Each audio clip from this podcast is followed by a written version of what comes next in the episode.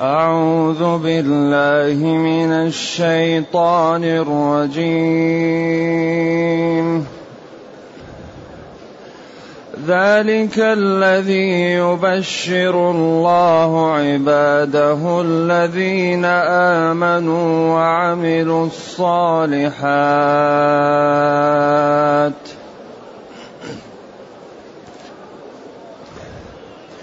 قل لا اسالكم عليه اجرا الا الموده في القربى ومن يقترف حسنه نزد له فيها حسنا إن الله غفور شكور أم يقولون افترى على الله كذبا فإن يشأ الله يختم على قلبك ويمحو الله الباطل ويمحو الله الباطل ويحق الحق بكلماته. ويحق الحق بكلماته. إنه عليم بذات الصدور. وهو الذي يقبل التوبة عن عباده ويعفو عن السيئات. وهو الذي يقبل التوبة عن عباده وهو الذي يقبل التوبة عن عباده ويعفو عن السيئات ويعلم ما تفعلون.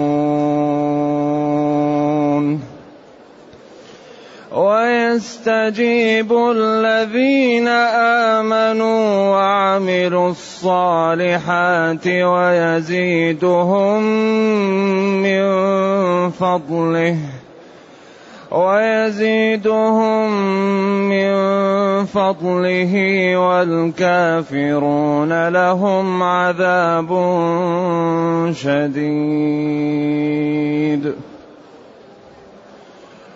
ولو بسط الله الرزق لعباده لبغوا في الأرض ولكن ولكن ينزل بقدر ما يشاء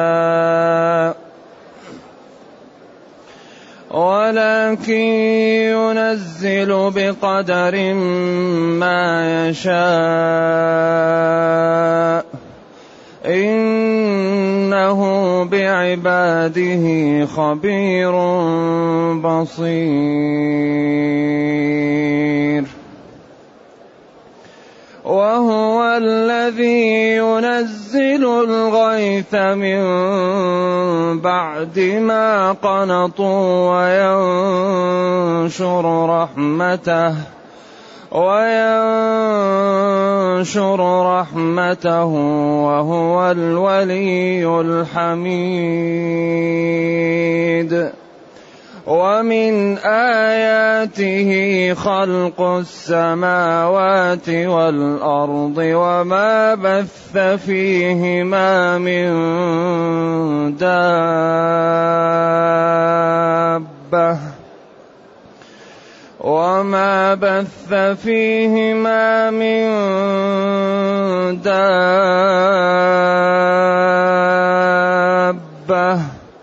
وهو على جمعهم إذا يشاء قدير وما أصابكم من مصيبة فبما كسبت أيديكم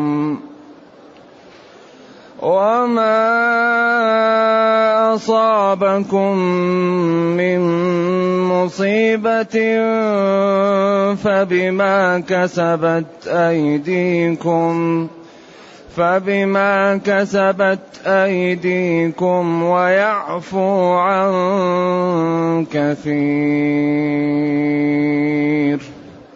وما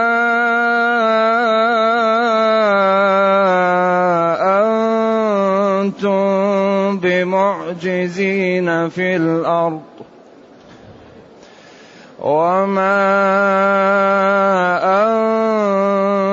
أنتم بمعجزين في الأرض وما لكم من دون الله من ولي ولا نصير. الحمد لله الذي أنزل إلينا أشمل كتاب وأرسل إلينا أفضل الرسل وجعلنا خير أمة أخرجت للناس فله الحمد وله الشكر على هذه النعم العظيمة والآلاء الجسيمة والصلاة والسلام على خير خلق الله وعلى آله وأصحابه ومن اهتدى بهداه. أما بعد فإن الله تعالى يشير إلى النعم التي أعدها للمتقين فإذا أخبروا بها تغيرت بشرتهم لما ينالهم من السرور. ذلكم. الآية التي قبل ذلكم.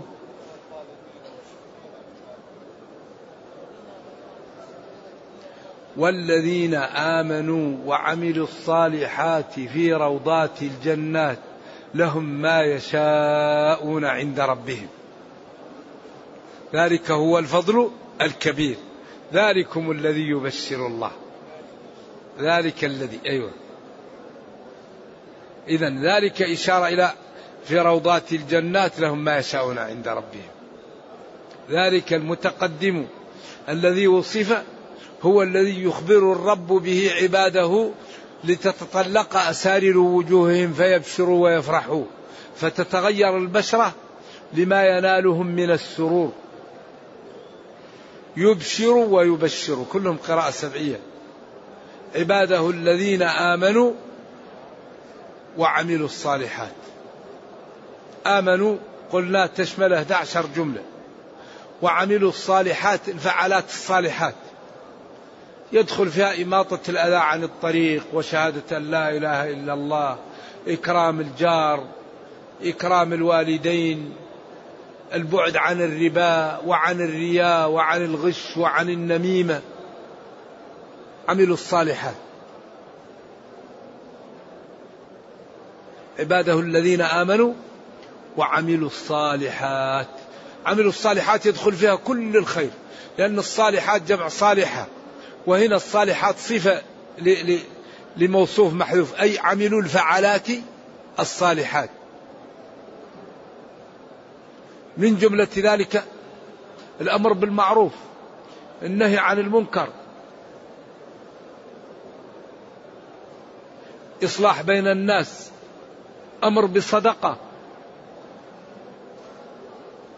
ولذلك الأعمال الصالحة هي التي تسقي الإيمان.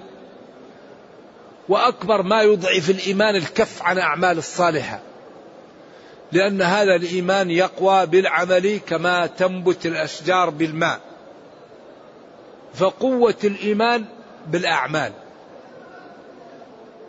فإذا قل عمل الإنسان ضعف الإيمان في قلبه. فأصبح يتكاسل عن أعمال الخير. أصبح يتشجع على أعمال الشر. وذلك نتيجة لضعف الإيمان. كل مشكلة سببها ضعف الإيمان. لا يزني الزاني حين يزني وهو مؤمن أي كامل الإيمان ولا يسرق السارق حين يسرق وهو مؤمن أي كامل الإيمان. إذا من أكبر أسباب الرقي في الفضائل هو ممارسة الطاعات. إذا مارس العبد الطاعات ارتفع الإيمان. فإذا ارتفع الإيمان سهل عليه غض البصر سهل عليه كف اللسان سهل عليه الصلاة سهل عليه البذل لله سهل عليه أن يصبر لأجل الله. فأصبحت المصاعب سهلة عليه لأنه أصبح عنده إيمان قوي فهذا الإيمان القوي يسهل عليه الأعمال. ولذلك كل ما قوي إيمان الإنسان كل ما قدم أكثر لدينه ولأمته. وكل ما ضعف إيمان الإنسان كل ما قدم أقل لدينه ولأمته. فأكثر ما يجعل الإنسان يقدم إذا قوي الإيمان. ذلك الحقيقة نحن أحيانا لا نتعهد أجسامنا بالصحة ونعالجها ولكن أحيانا إيماننا يضعف ولا نتعهده. والإيمان أحيانا يضعف بالذنوب وبالغفلة وبالانشغال. إذا ذلكم الذي تقدم يبشر الله به عباده. ذلك الذي أشار إليه من الجنان والمكارم والبساتين.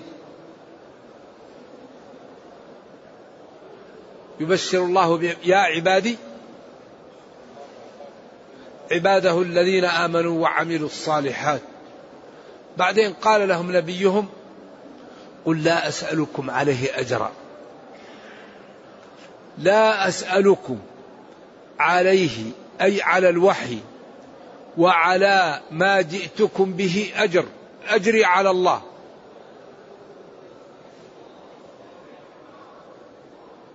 لا أسألكم عليه مالا.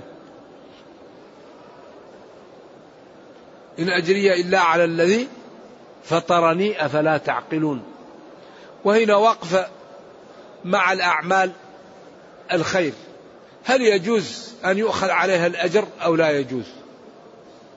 الأذان الإمامة تعليم القرآن تعليم العلم الشرعي.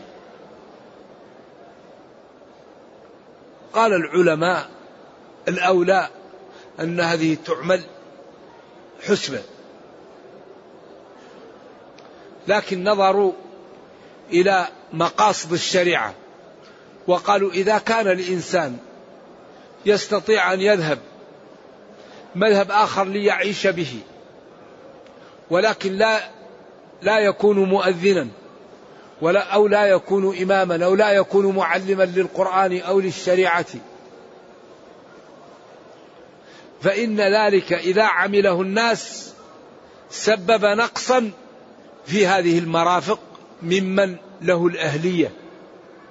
فقالوا يأخذ الإنسان ولكن يأخذ ليسد الحاجة أو ليقوم بهذه لأنه لو ذهب لأمر آخر ربما لم يوجد من يؤذن أو من يؤم الناس أو من لم يعلم الناس القرآن أو يعلمهم ماذا؟ الشريعة. فينبغي للإنسان إذا أخذ يأخذ لأجل أن يسد حاجته وينوي أنه كان يستطيع أن يجد المال من غير هذه الجهة لكن هذه الجهة تنفع المسلمين. كما أن النبي صلى الله عليه وسلم جعل رزقه صلوات الله وسلامه عليه في ظل رمحه ولكن لا يريد الدنيا وإنما يريد إعلاء كلمة الله فيأتي المال تبع لذلك ولا يقصده. فلا ينقص الأجر. فكذلك الإنسان إذا كان مؤذنا يأخذ مال أو إماما أو مدرسا للقرآن أو معلما للدين وهو يأخذ المال ولكن لا يريد المال وإنما يريد أن يقوم بهذا ليسد حاجته هذا يكون له الأجر وله إيش؟ المال. لكن إذا كان لا يريد إلا المال هذه هي المشكلة. ولذلك من تعلم علما مما يبتغى به وجه الله لا يريد به إلا عرضا من الدنيا. أما إذا جاءت الدنيا تبع فهذا لا يضر. اذا ذلك الذي تقدم هو الذي يخبر الله به عباده خبرا يفرحون به بعدين قال قل لا أسألكم عليه أي على تبليغ الوحي وعلى تعليم الدين أجرا أي جعلا ولا أجرة إلا المودة في القربى. للعلماء في هذا الاستثناء أربعة أقوال.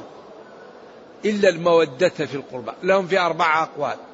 اثنان يكون الاستثناء متصل واثنان يكون الاستثناء منقطع. كيف ذلك؟ قال بعض العلماء قل لا أسألكم على تبليغ الوحي أجرا إلا أن تودوني ولا تظلموني لقرابتي منكم إلا أن تودوني ولا تظلموني لقرابتي منكم ولا يوجد بطن من قريش إلا وللنبي صلى الله عليه وسلم فيه نسب. إذا كل قريش النبي صلى الله عليه وسلم له قرابة منهم. إما من جهة الأب أو الأم غير قرابة الأصلية التي هي. أيضا قل لا أسألكم عليه أجرا إلا أن تودوني ولا تظلموني لقرابتي منكم. هذا القول هو اختيار كبير المفسرين ابن جرير وابن كثير وهو الذي عليه الجمهور. القول الثاني لا أسألكم عليه أجرا إلا أن تودوني لقرابتي لأجل قرابتي. وهم الذين لا يأخذون الزكاة. تودوهم.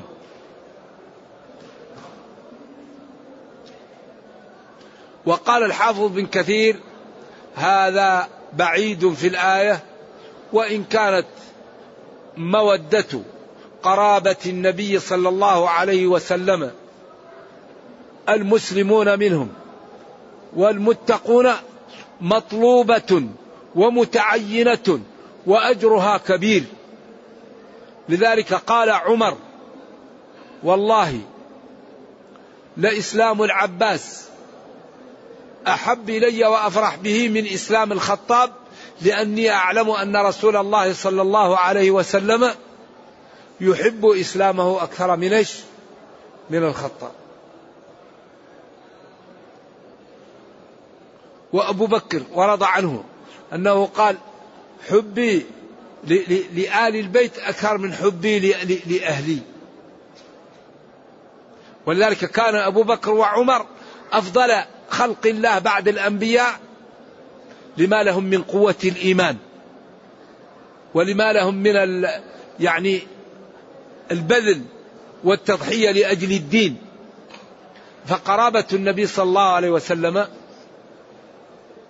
مطلوب إكرامهم والرفق بهم والإحسان إليهم وتوقيرهم وتبجيلهم. لكن الآية هنا كون قرابة النبي فيها مرجوحة. لكن هذا لا يدل على أنهم لا ي... ليس لهم لهم مودة. وقد ذكر الحافظ بن كثير في البداية والنهاية وذكر في هذه الآية ما قال النبي صلى الله عليه وسلم يوم غدير خم. تركت فيكم كتابي وعترتي لا يتفرقان ووصى بهم. وقال الشافعي رضي الله عنه إن كان رفضا حب آل محمد فليشهد الثقلان أني رافضي إذا كان الرفض هو محبة آل البيت كلنا روافض كلنا نحب آل البيت. ولكن لا نحبهم المحبة الشرعية أما قول أن علي كان رسولا وأن جبريل ذهب. هذا هذا هذا ضلال بين هذا لا يجوز. وأنه خان الرسالة وأنه هذا أمر هذا كفر بالله. لا يجوز هذا هذا هذا ضلال بين.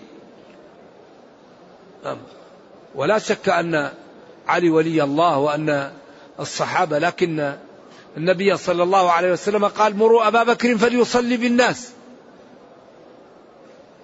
ما لأحد عندنا يد ما كفأناه إلا أبا بكر. هل أنتم تاركوا لي صاحبي؟ وأبو بكر قال هذا آخر عهدي. أبي بكر بالدنيا وأول عهدي بالآخرة. وليت عليكم عمر. فإن عدل فذلك به وإن جار وبدل فلا أعلم الغيب. وسيعلم الذين ظلموا أي منقلب ينقلبون. قال مروا أبا بكر فليصلي بالناس. عمر قال ارتضاك رسول الله لديننا أفلا نرتضاك لدنيانا؟ فقالت عائشة قالت لحفصة قولي إن أبا بكر رجل أسيف. وكانوا يخافون من عائشة رضي الله عنها لذكائها وقوة لسانها ولمحبتها على النبي صلى الله عليه وسلم. فقالت لحفصة قولي للنبي إن أبا بكر رجل سيف يأمر عمر. قال إن كنا لأنتن صواحب يوسف. مروا أبا بكر فليصلي بالناس. يأبى الله والم... إلا أبا بكر والمسلمون. فلذلك ما يقال أغلبه لا يصح أو كذب. ولذلك الحقيقة الحق أبلد. والذي لا يأخذ النصوص من الكتاب والسنة. هذا على خطأ جسيم. لأن نبينا قال تركت فيكم ما إن تمسكتم به لن تضلوا بعد إيش؟ كتاب الله والسنة وقال وإن تنازعتم في شيء فرده إليش؟ إلى الله والرسول. إذا كانت شريحة من المسلمين لا ترد المسائل للكتاب والسنة طيب كيف يكون التعامل معها؟ فلذلك بعض الشرائح يعني عندها أشياء خطيرة ينبغي أن تراجع الصواب ينبغي أن تنظر. نعم. إذا يقول قل لا أسألكم عليه أجرا إلا أيضا إلا أن تودوني لقرابتي أو إلا أن تودوا قرابتي أو إلا أن تودوا قراباتكم. ولا تقطعوهم لأن كل مسلم مأمور بأن أن يود القرابة. ولذلك قال أما ترضين أن نقطع من قطعك وأصل من وصلك. نعم. فلذلك أمر بذلك.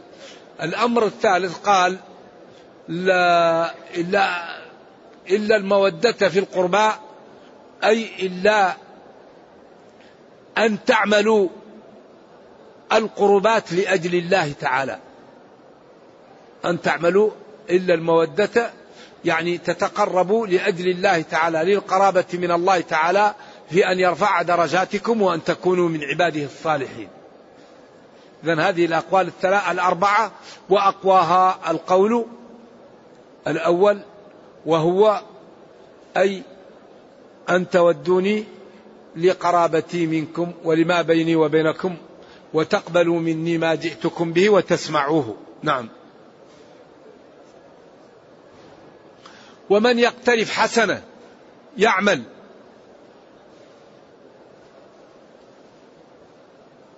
عملا صالح نزد له فيها حسنا الحسنة بعشر أمثالها إلى مئة ضعف إلى أضعاف إلى سبعمائة ضعف إلى ما لا يعلمه إلا الله. إذا ومن يقترف يعمل حسنة هذه الحسنة نزيد له فيها حسنا أجر وكرامة. إن الله غفور لذنوب عباده. شكور يعطي على العمل القليل الأجر الكثير الدائم. شكور كثير الشكر لعباده. إذا عمل أحدهم عمل قليل يعطيه عليه أجر كثير ودائم. أم يقولون أم منقطعة؟ بل أيقولون افترى على الله كذبا؟ محمد صلى الله عليه وسلم فإن يشاء الله يختم على قلبك ويمحو الله الباطل. يختم على قلبك من أن يعمل ما لا ينبغي أو يبقى لا يفهم. ويشاء يمحو الله الباطل ولا ولا يبقى. إن فعل ذلك. كما قال ولو تقول علينا بعض الأقاويل لأخذنا منه باليمين ثم لقطعنا منه الوتين.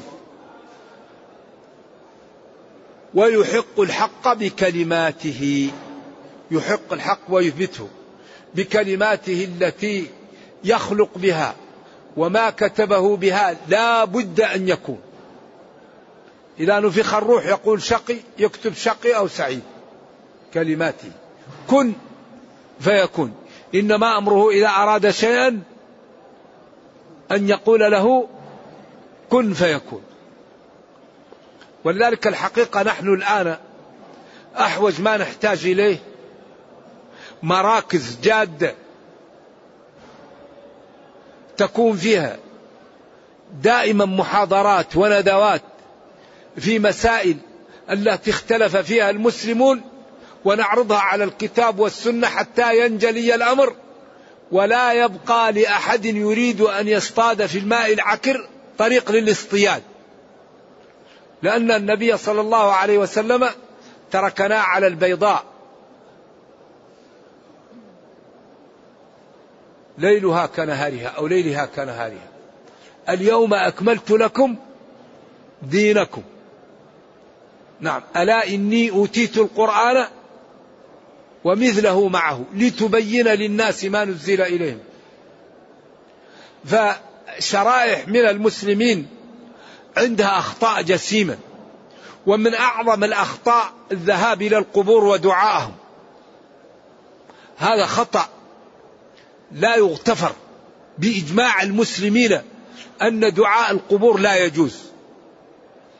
هذا ما في خلاف بين المسلمين أن الذي يدعو القبور أن هذا وضع العبادة في غير موضعها لأن الدعاء عبادة والعبادة لا تصلح إلا لله. فشرائح ممن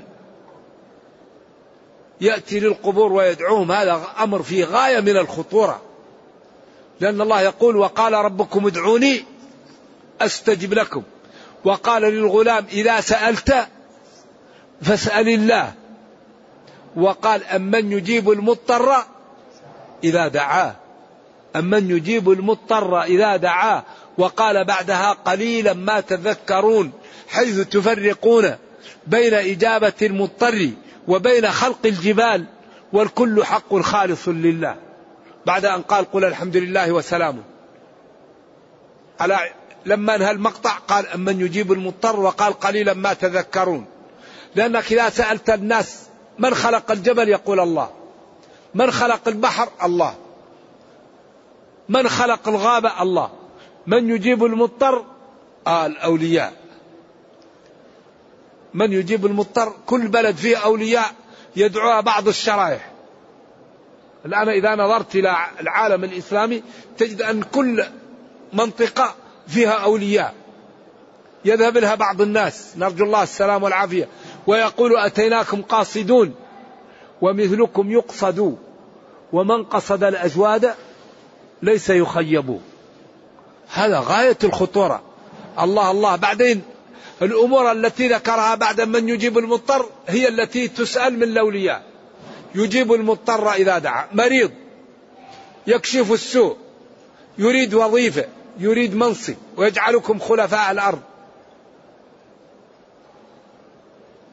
هذه التي يسألها الناس إيش؟ من من؟ ممن يسموهم أولياء. والأولياء الحقيقون هم الذين آمنوا وكانوا يتقون. ألا إن أولياء الله لا خوف عليهم ولا هم يحزنون؟ من هم؟ الذين آمنوا وكانوا يتقون. هذا هو الولي. اذا حري بنا أن تكون للمسلمين مراكز عملاقة. كل المسائل التي فيها خلاف تعمل فيها مؤتمرات وندوات ومحاضرات ونقاشات. فإذا كان كل جهة عنده دليل ما في مشكلة. إذا كان كل جهة ما في دليل ما في مشكلة. إذا كانت جهة عندها دليل وجهة ما عندها دليل الجهة التي عندها دليل نتبعها ونترك الجهة التي لا دليل لها. هذا ينبغي أن نشيعه بيننا. أن أي خلاف لا يخلو من واحد من أربعة أمور.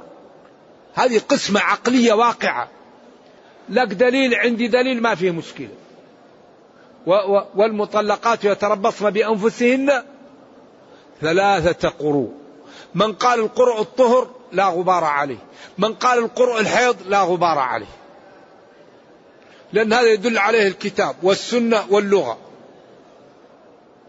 أن القرء يقال للحيض والقرء يقال للطهر فمن قال القرء الطهر لا مشكل ومن قال الطهر حيض لا ليست فيه مشكل. إذا كله دليل.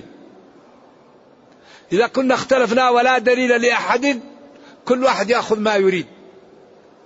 لأنك ما لي ما في دليل لك ولا لي إذا كل واحد يأخذ ما يحلو له. عندك دليل ما عندي دليل نكون معك. عندي دليل ما عندك دليل تكون معي. هذه القسمة نعملها وأي مشكلة بيننا نعرضها على الكتاب والسنة. لكن مع المشكل إذا كانت بعض الشرائح لا يمكن تأخذ شيء من الكتاب ولا من السنة ما لا نقول لها. وأغلب ما تأخذ كلام مكذوب. عن فلان عن فلان عن رجل من آل البيت وكذبة وعن فلان وعن فلان وعن رجل من حب لآل البيت ويأتي بكذب. ما لا سند له. هذا مشكل. ولذلك الذي يقول إن القرآن ناقص هذه مشكل. والله يقول إنا نحن نزلنا الذكر وإنا له لحافظون. والذي يشب عائشة أكبر مشكلة مع قوله أولئك مبرؤون مما يقولون. إذا فيه شرائح من المسلمين ينبغي أن يراجعوا ما لا أمورهم. هذه أخطاء كبيرة جدا. ينبغي للإنسان أن ينتبه قبل أن يموت على هذه الأخطاء الكبيرة. وبعدين الله يتوب على العبد إذا تاب. قل يا عبادي الذين أسرفوا على أنفسهم لا تقنطوا من رحمة الله إن الله يغفر الذنوب جميعا. خير خلق الله. وصحابة رسول الله. كيف واحد يكفر أبا بكر وعمر ويسبهم؟ هذا غاية في الخطورة. اتفقت الأمة على جلالة الرجلين وعلى جلالة عثمان وعلى جلالة علي والحسن والحسين رضي الله عنهم. لكن من يسب أبا بكر؟ مالك قال يخشى عليه لأنه مزكى في القرآن. وسيجنبها الذي يؤتي مال وما لأحد عنده من نعمة تجزى إلا ابتغاء وجه ربه الأعلى. ما لأحد عندنا يد إلا كاف ما خلا هل أنتم تاركوا لي صاحبي؟ أنا وأبو بكر. ثاني اثنين إذ هما في الغار. وبعدين لما توفي النبي صلى الله عليه وسلم ظهر. ظهر مال الرجل. عمر عقر وعلي ذهل وقال من قال رسول الله قتل نفعل ونفعل مات.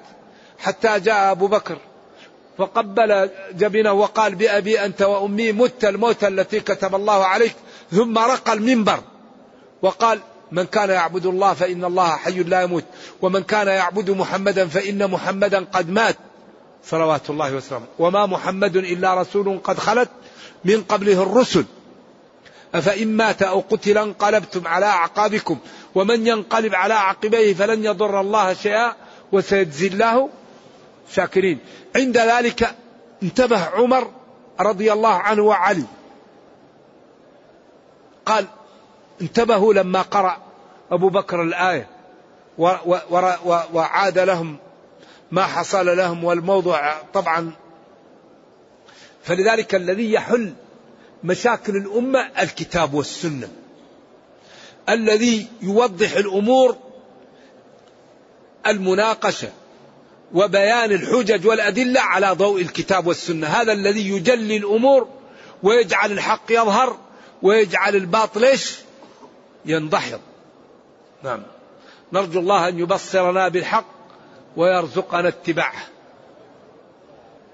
وهو الذي ويحق الحق بكلماته يثبت الحق بكلماته التي كتبها. ولذلك أما الزبد فيذهب جفاء وأما ما ينفع الناس فيمكث في الأرض. إنه عليم بذات الصدور أي بالمسائل أو بالقضايا ذات التي تكون في الصدور إشارة ذات إلى إلى إلى, إلى الصدر. إذا لا مهرب. ما دام الله يعامل بما في الصدر ينبغي الإنسان أن يصلح صدره. يجعل ما في صدره محبة الصحابة ومحبة الخير ومحبة الخير للناس وعدم سب المسلمين وعدم شتمهم ومحبة لهم ما يحب لنفسه. والله لا يؤمن أحدكم حتى يحب لأخيه ما يحب لنفسه. هذا الدين غاية في الجمال والحسن وهو الذي يقبل التوبة عن عباده ويعفو عن السيئات ويعلم ما تفعلون. توبة. هنا فتح باب التوبة. كل من تاب تاب الله عليه. ما دام في الدنيا أي إنسان يتوب تاب الله عليه. من تاب بعد أن تعاطى السبب فقد أتى بما عليه وجب. مبتدع. جعل آلاف الناس يبتدعون وتاب لا يكلف بغيره.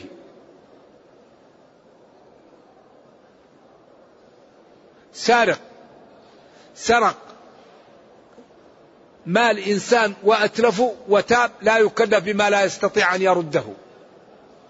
إذا من تاب بعد أن تعاطى سبب الذنب والإجرام فقد أتى بما عليه وجب. الذي لا يستطيعه لا رمى وبعد أن رمى تاب. لا لا لا لا يكلف بأن يرد الرمي. حلب حلب من من ضروع وهو سرقه على ناس وتاب بعد أن حلبه لا يكلف بأن يرد الحليب للضرع لأنه لا يستطيع. إذا من تاب بعد أن تعاطى السبب فقد أتى بما عليه وجب. إذا يغفر الذنوب جميعا. إذا فلنتب من الذنوب. أخطر الذنوب البدع يا أحبتي. البدع البدع في غاية الخطورة. إنسان يداوم على دعاء ما هو وارد ويجعله سنة. إنسان يداوم على على صلاة ما هي واردة ويجعلها سنة. البدعة إحداث شيء في الدين على غير مثال سابق. ولا يوجد أخطر من البدع لأن صاحبها لا يتوب ويرن على الخير.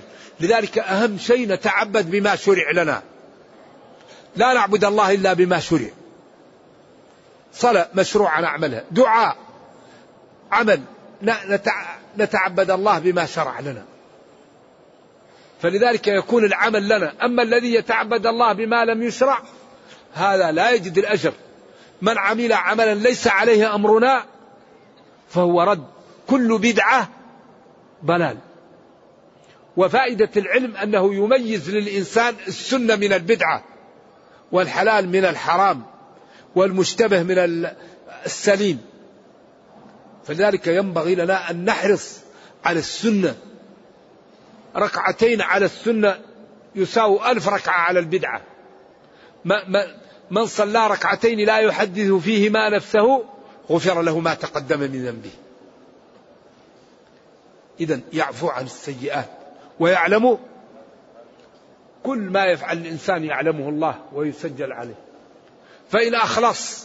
يقال فلان أخلص. وإن نافق يقال فلان نافق. وإن رأى يقال فلان رأى. وإن ابتدع كل شيء يكتب عليه. إذا لا بد أن نكابد إخلاص الأعمال لله. ويستجيب الذين يستجيب الذين آمنوا وعملوا الصالحات لما طلب منهم. فيمتثلوا الأوامر ويجتنبوا النواهي ويعملوا بشرع الله ويزيدهم الله من فضله. يستجيبون والله يزيدهم من فضله. والكافرون لهم عذاب شديد. هذا أدمج هنا وأتى بمختصر. المتقون يعملون بطاعة الله والله يكرمهم والكافرون لهم عذاب شديد. هنا أوجز لأنه بين وبين. ثم بين جل وعلا أنه يقتل على بعض الخلق وبعض الخلق يعطيه الكفاف رحمة بهم ورفقا بهم لأن هذا الخلق الذي يقال له الإنسان كفور هلوع. إذا استغنى طغى إن الإنسان ليطغى أن رآه استغنى. ولو بسط الله الرزق لعباده لبغوا في الأرض. بغوا وتكبروا وتجبروا واحتقروا بعضهم وتقاتلوا لكن الله يعطيهم بقدر. ما يتجبروا ولا يطغوا ولا يضيعون. ولذلك يدبر الأمر. فكم من إنسان يتألم إنه فقير والخير له في الفقر. كم من إنسان يتألم أنه لا يجد إلا الكفاف والخير له في الكفاف. لذلك ينبغي للإنسان أن يقوم بالأسباب ويرضى بما كتب له ربه. ولا يرضى هو لنفسه الهون يعني في الدين. أما الدنيا قم بالأسباب وما أعطاك الله. يمكن لك فيه الخير. إذا لو بسط بسط مد الرزق لأن البسط هو التوسعة. بسط الكلام إذا وسعه وبسط الرزق إذا صار غني جدا. لبغوا في الأرض. البغي هو التكبر والتطاول واحتقار الآخرين ولكن ينزل بقدر ما يشاء بقدر ما يشاؤه مما لا يجعل خلقه يبطرون حتى يسلموا من الذنوب ويسلموا من أن يقعوا في الكفر والضلال. اذا هذه رحمة بهم. إنه بعباده خبير بنياتهم وبما يكون فيهم، بصير بمصالحهم. ولذلك ينبغي للعبد أن يفرح بما قدر الله له ويرضى به. بأمور الدنيا، أما في الدين لا ترضى إلا أن تكون إماما. لا ترضى إلا أن تكون إماما في الدين. حاول أن تأتي مبكرا للصلاة. حاول أن تكون في الخير إماما. أما في الدنيا هذه أمور سهل. لا شك أن المؤمن الذي يكون قويا وتقيا خير وأحب إلى الله. ولذلك لا حسد إلا في اثنتين. رجل أعطاه الله مالا فسلطه على هلكته. ورجل أعطاه الله علما فهو يقوم به آناء الليل وأطراف النهار. لكن القيام بالعلم وتسليط المال على هلكته هذا صعب على النفوس. قليل من يفعله. أكثر الناس إذا رأى المال يبدأ يفكر في التسابق. ألهاكم ويش تكاثر. ولذلك صاحب المال يخاف من اثنين. واحد وراه يصل وواحد أمامه يريد أن يلحقه. يخاف من اللي وراه يلحقه وينظر إلى الذي أمامه ليصل إليه. ولذلك أغلب أهل الدنيا شغلهم التسابق. ألهاكم إيش؟ تكاثر. يسرع عشان ما يلحقه اللي وراه في المال وينظر أمامه ليسبق اللي معه ويلحق اللي أمامه. وبعدين هذا ضياع. أسعد الناس في الدنيا من رزقه الله الكفاف.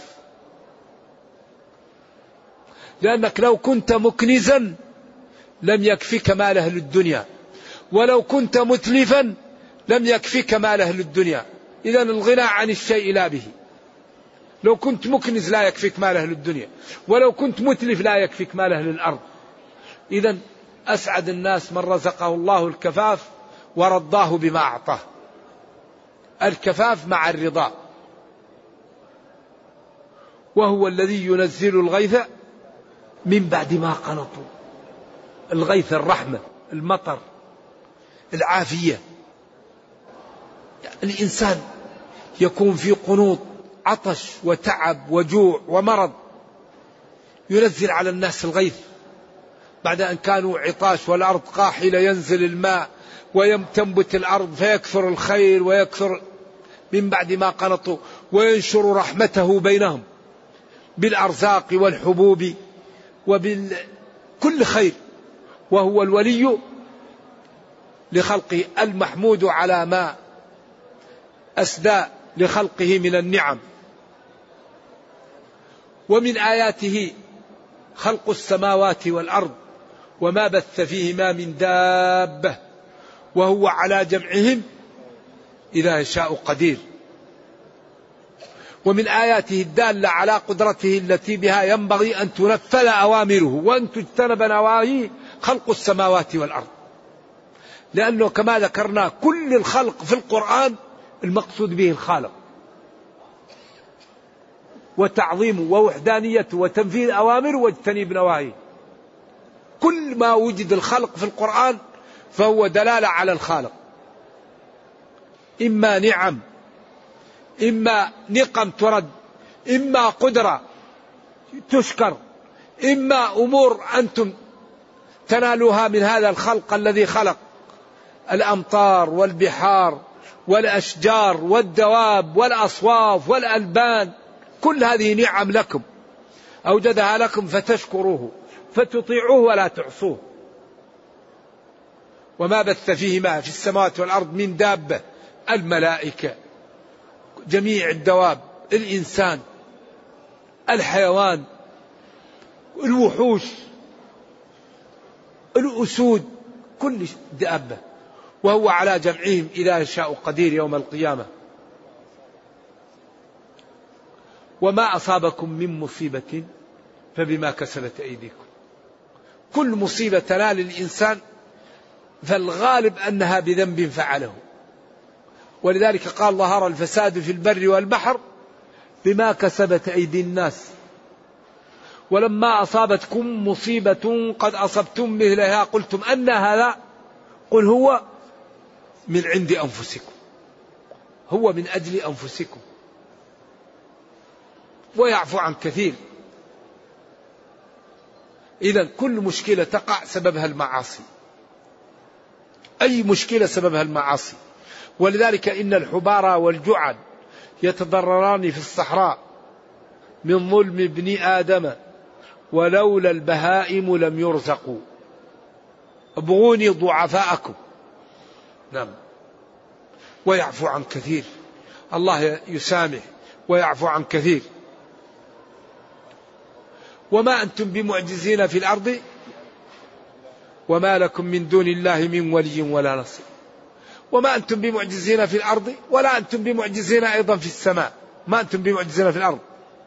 أيها المخاطبون وما لكم من دون الله إن أراد عقابكم من ولي يواليكم ويمنعكم ولا نصير ينصركم مما أراد الله بكم. فالحل في طاعة الله. وامتثال أوامره واجتناب نواهيه و